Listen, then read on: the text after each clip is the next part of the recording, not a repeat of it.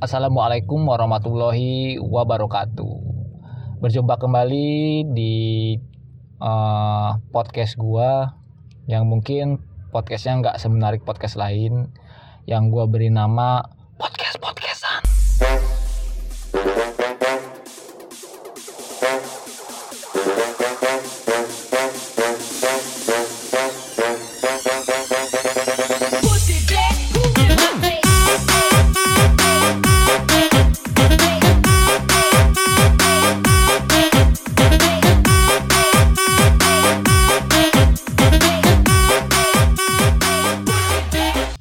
Jadi sekitar tiga tahun lalu, hmm, mungkin ya sekitar tiga tahun lalu segitulah.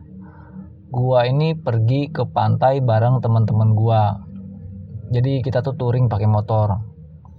Kenapa kita lakuin? Karena posisinya kita itu lagi liburan setelah hari raya Idul Fitri.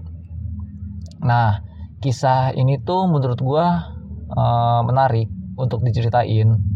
Mungkin sedih juga di mana posisinya tuh baru gue alamin gitu. Dimulai perjalanan menuju ke sana tuh kita bisa dibilang baik-baik aja. Nggak ada masalah serius tapi ini menarik karena uh, mungkin kita semua ngalamin kejadian yang kita nggak bisa diduga-duga walaupun kita mikirnya udah semua terencana dengan baik ya. Mungkin gue cerita nggak terlalu komplit sih karena seingat gue aja kejadian ini kan uh, lama tapi uh, yang gue bisa ingat tuh hal-hal yang krusial banget gitu. Jadi di perjalanan menuju Sukabumi ini kita melewati Ciawi kalau nggak salah. Kita semua tuh jalan dari camp tempat kita kumpul sekitar jam 12 malam. Di situ kita kumpul terus eh, nggak uh, lupa lah baca doa sebelum berangkat. Nah kejadian kejadian ini tuh tertuju ke salah satu temen gua yang namanya gue sebut aja Roben di perjalanan ini sih nggak ada yang aneh sama motor-motor kami. Karena kita semua sudah udah kita semua tuh udah ngecek fisik. Tapi nggak bisa lah ngecek dalam mesin ya kan? Nah ketika semua jalan kecepatan tinggi nggak terlalu cepet-cepet juga sih. Maksudnya lumayan lah. Kita semua tuh beriringan di jalan satu baris. Gua posisinya sekitar tiga motor dari depan. Jadi gua tuh posisi keempat Nah, temen gua ini si Roben, dia tepatnya di depan gua. Nah, pas lagi kebut jalan, ditanjakan, tiba-tiba dia motor dia tuh bunyi gitu. Motor bunyi gimana? Wih, pokoknya gitulah, nggak tahu lah gua. Lupa. Pokoknya tiba-tiba tuh motor dia udah asap keluar, kebut, tapi asapnya keluar gitu kan dari belakang motornya itu. Tapi motor dia lama gitu kan, jalannya pelan-pelan gitu kan pas dicoba dicek ternyata motor dia tuh ngalamin yang namanya fan belnya putus. Kita semua panik dong gimana ini? Sedangkan perjalanan aja belum setengahnya. Bahkan seperempatnya pun belum. Ya mau pulang bingung. Akhirnya dia mutusin untuk menyimpan motornya di pom bensin. Kalau misalkan kita uh, dapat pom bensin. Tapi setelah jalan di posisi ini tuh uh, dia lagi di step ya. Step kita mikir nih pokoknya kalau misalkan di jalan ada bengkel ya ke bengkel. Kalau nggak nemuin ya pom bensin nemuin kita di pom bensin aja. Syukur-syukur kita dapat uh, dapat bengkel. Kenapa kita mikirnya pesimis bengkel? Karena ini tuh udah jam malam banget jadi kita pesimis kalau ada bengkel yang masih buka gitu. Ya kan? Nah Makanya kita punya planning untuk simpen motor dia dulu di parkiran, entah parkiran mana, pom bensin atau apa, ya kan. Setelah 15 menitan di step itu jalan dia kan, kita nemu bengkel tuh kecil. Posisinya tuh pas tanjakan juga sih. Tapi posisinya udah mau tutup tuh. Nah kita nanya dulu dong. Nah, ketika nanya tuh pertama kali yang kita tanyain tuh stok mailnya dulu. Di bengkel ternyata tersedia nih bengkel apa tuh di, bengkel tuh tersedia tapi fan bel Mio. Sedangkan motor dia kan Xeon tuh. Yang notabene tuh pasti beda ukuran.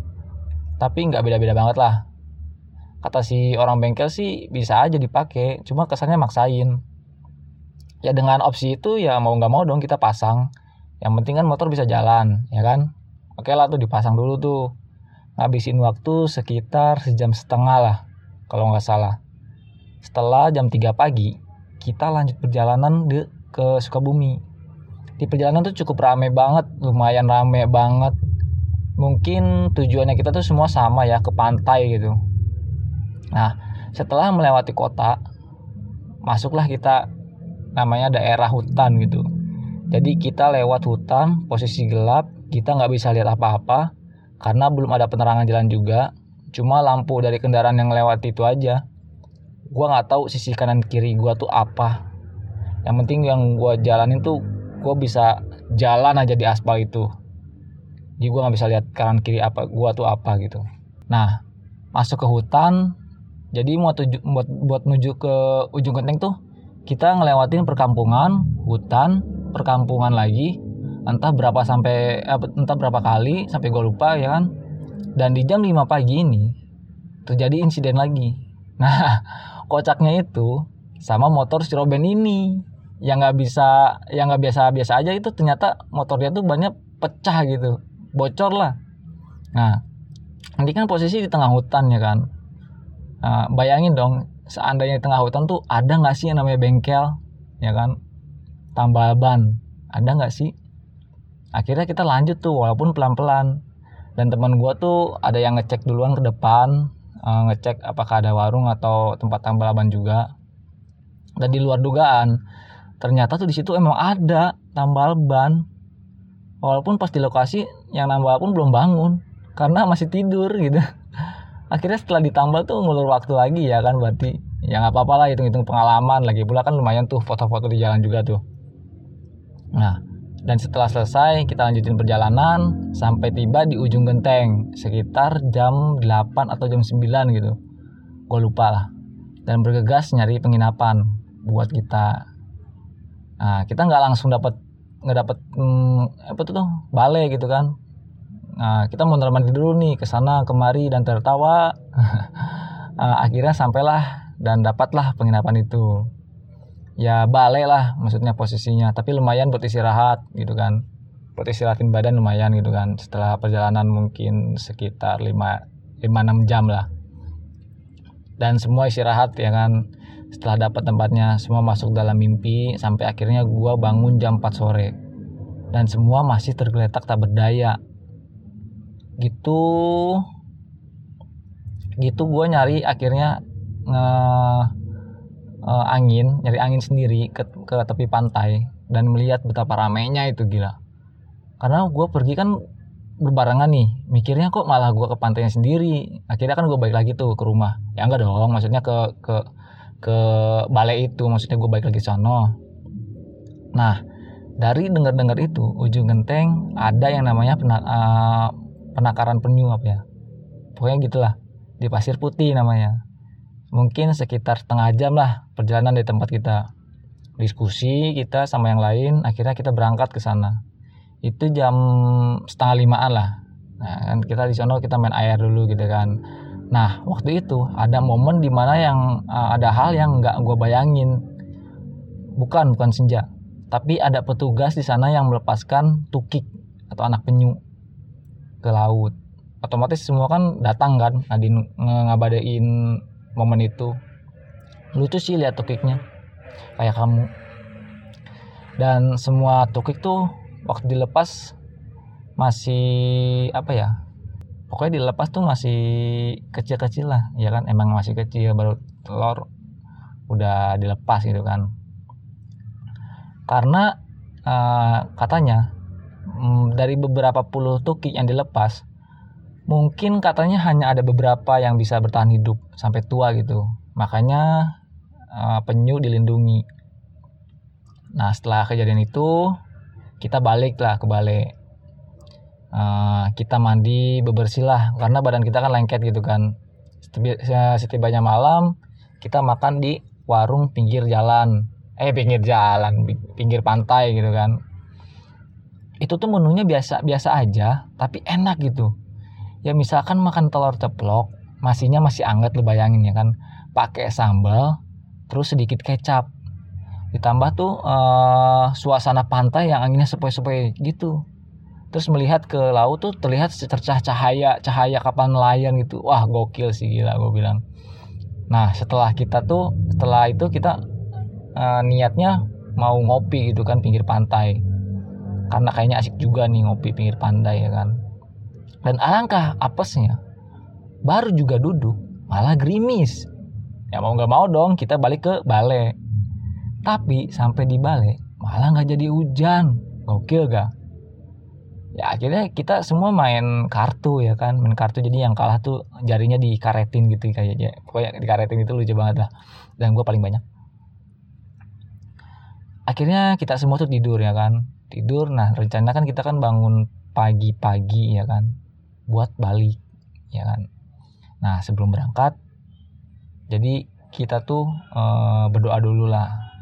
Jadi kita tuh bangun tuh bukannya santai tapi malah prepare buat balik gitu kan? Kita berdoa. Nah di sini kita salah persepsi gitu. Mungkin pas berangkat kita berpendapat kalau misalkan kita tuh harus jalan beriringan.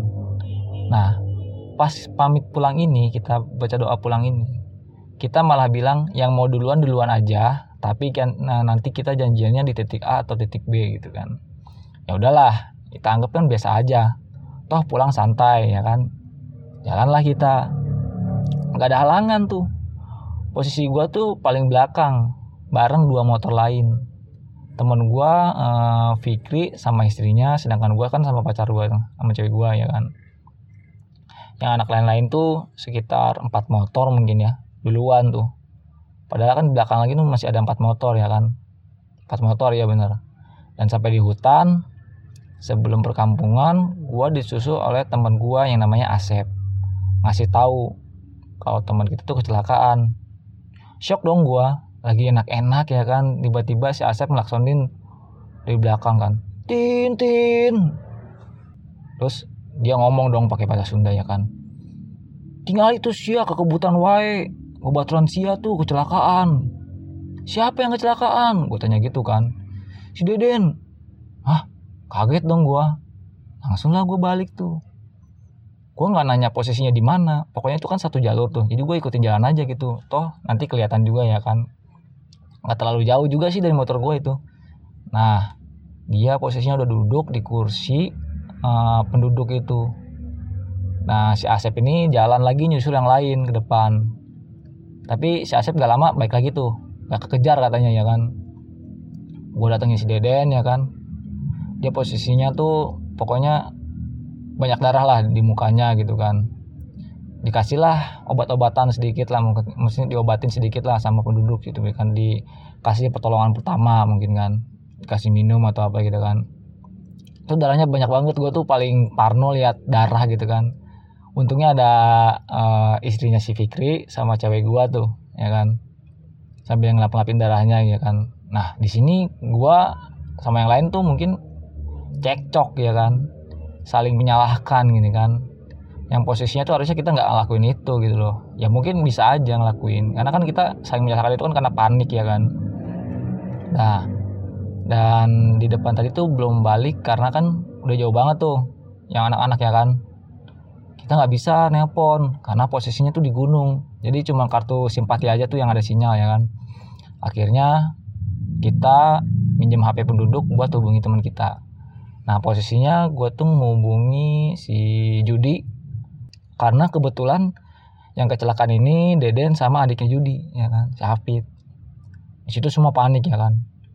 Akhirnya rombongan yang depan tadi datang ya kan? Dan bertanya Bu di mana eh, klinik atau puskesmas terdekat ya kan cuma ada satu di bawah itu tuh pun sampai 2 sampai 3 km ya kan jauhnya tuh 2 sampai 3 km atau 5 gitu. Soalnya jauh ya kan.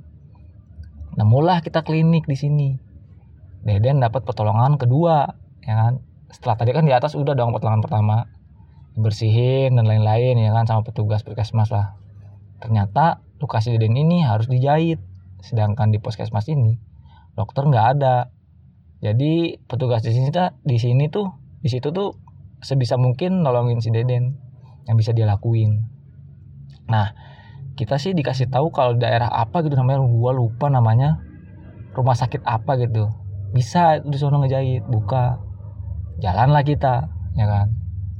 Sampai akhirnya kita nemu sebuah masjid jadi potokan tempat kita rumah sakit itu ya kan kebetulan juga itu hari Jumat jadi kita sholat Jumat di situ ya kan. Nah kita cari-cari info ke, ke pedagang situ ya kan di mana ada rumah sakit yang bisa ngejahit itu kan atau klinik lah minimal. Kasih tau lah kita datengin tuh ya kan.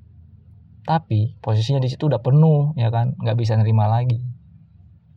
Nah di situ kok nggak salah deh ada klinik juga.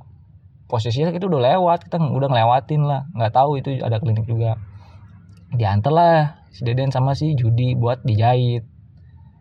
Nah setelah semua beres udah dijahit kita juga udah sholat Jumat baliklah kita pelan-pelan tuh ya kan. Tibalah di rumah Deden. Jadi posisinya gua itu gua sama cewek gua Judi sama Vicky sama istrinya gitu kan di rumah Deden. Dan di rumahnya si Deden ini nggak ada ibunya nggak ada orang rumah gitu kan. Akhirnya telepon lah Deden sama ibunya kalau dia kalau dia tuh udah di rumah ya kan dan dia bilang lapar ya kan. Tapi dia nggak ngasih tahu kalau dia tuh habis kecelakaan karena takut ibunya shock atau apa gitu takut panik gitu kan. Yang notabene mendingan kaget di rumah daripada kaget di luar. Jadi nganggap semua baik-baik aja. Dan akhirnya setelah itu ibunya datang dan shock dong. Kenapa ini? Kamu kenapa? Ya kan melihat kondisi Zidane kayak gitu ya kan diperban mukanya tangannya ya kan. Kok bisa kecelakaan gini? Ya kan. Nggak jelasin lah. Bla bla bla bla bla gini gini gini. Akhirnya ya ya dan uh, ngerti itu orang tuanya ya kan. Mungkin karena kecelakaan kecil. Tapi kan yang namanya orang tua kan khawatir juga ya kan. Nah usut punya usut. Si deden ini nggak bilang sama ibunya kalau dia tuh mau pergi ke pantai kenapa dia nggak bilang? Karena takut yang namanya nggak diizinin. Mungkin gua tahu ini salah atau uh, apa ya yang jelas gimana pun hasilnya lu harus bilang lah sama orang tua itu izin gitu kan. Boleh atau nggak bolehnya. Ya syukur-syukur kalau lu bisa yakinin orang tua lu itu lebih bagus. Nah jadi hari demi hari tuh salah satu teman gua bilang pas dia diurut ternyata si Deden ini ketempelan katanya ya kan. Makanya tangannya tuh agak berat pegal-pegal gitu. Tapi setelah itu sih udah mendingan sih katanya. Udahlah dibalikin ke sana katanya gitu kan. Gua nggak tahu sih kalau itu ketempelan bener atau enggak ya kan. Yang jelas gua taunya ini bisa jadi pembelajaran kita semua kalau izin dari orang tua itu harus intinya. Dan kita ke mana aja berbarengan kalau berangkat dan pulang pun harus berbarengan. Kalau misalkan kita bareng-bareng sama teman-teman kita nggak boleh pisah-pisah lah ninggalin ninggalin teman kita yang lain ya kan? Mungkin sih uh, ini aja yang bisa gue sampaikan dan ceritain. Dan semoga bisa jadi pembelajaran lah. Dan kalian bisa menikmati cerita gue dengan baik gitu kan. Ya sampai di sini dulu aja.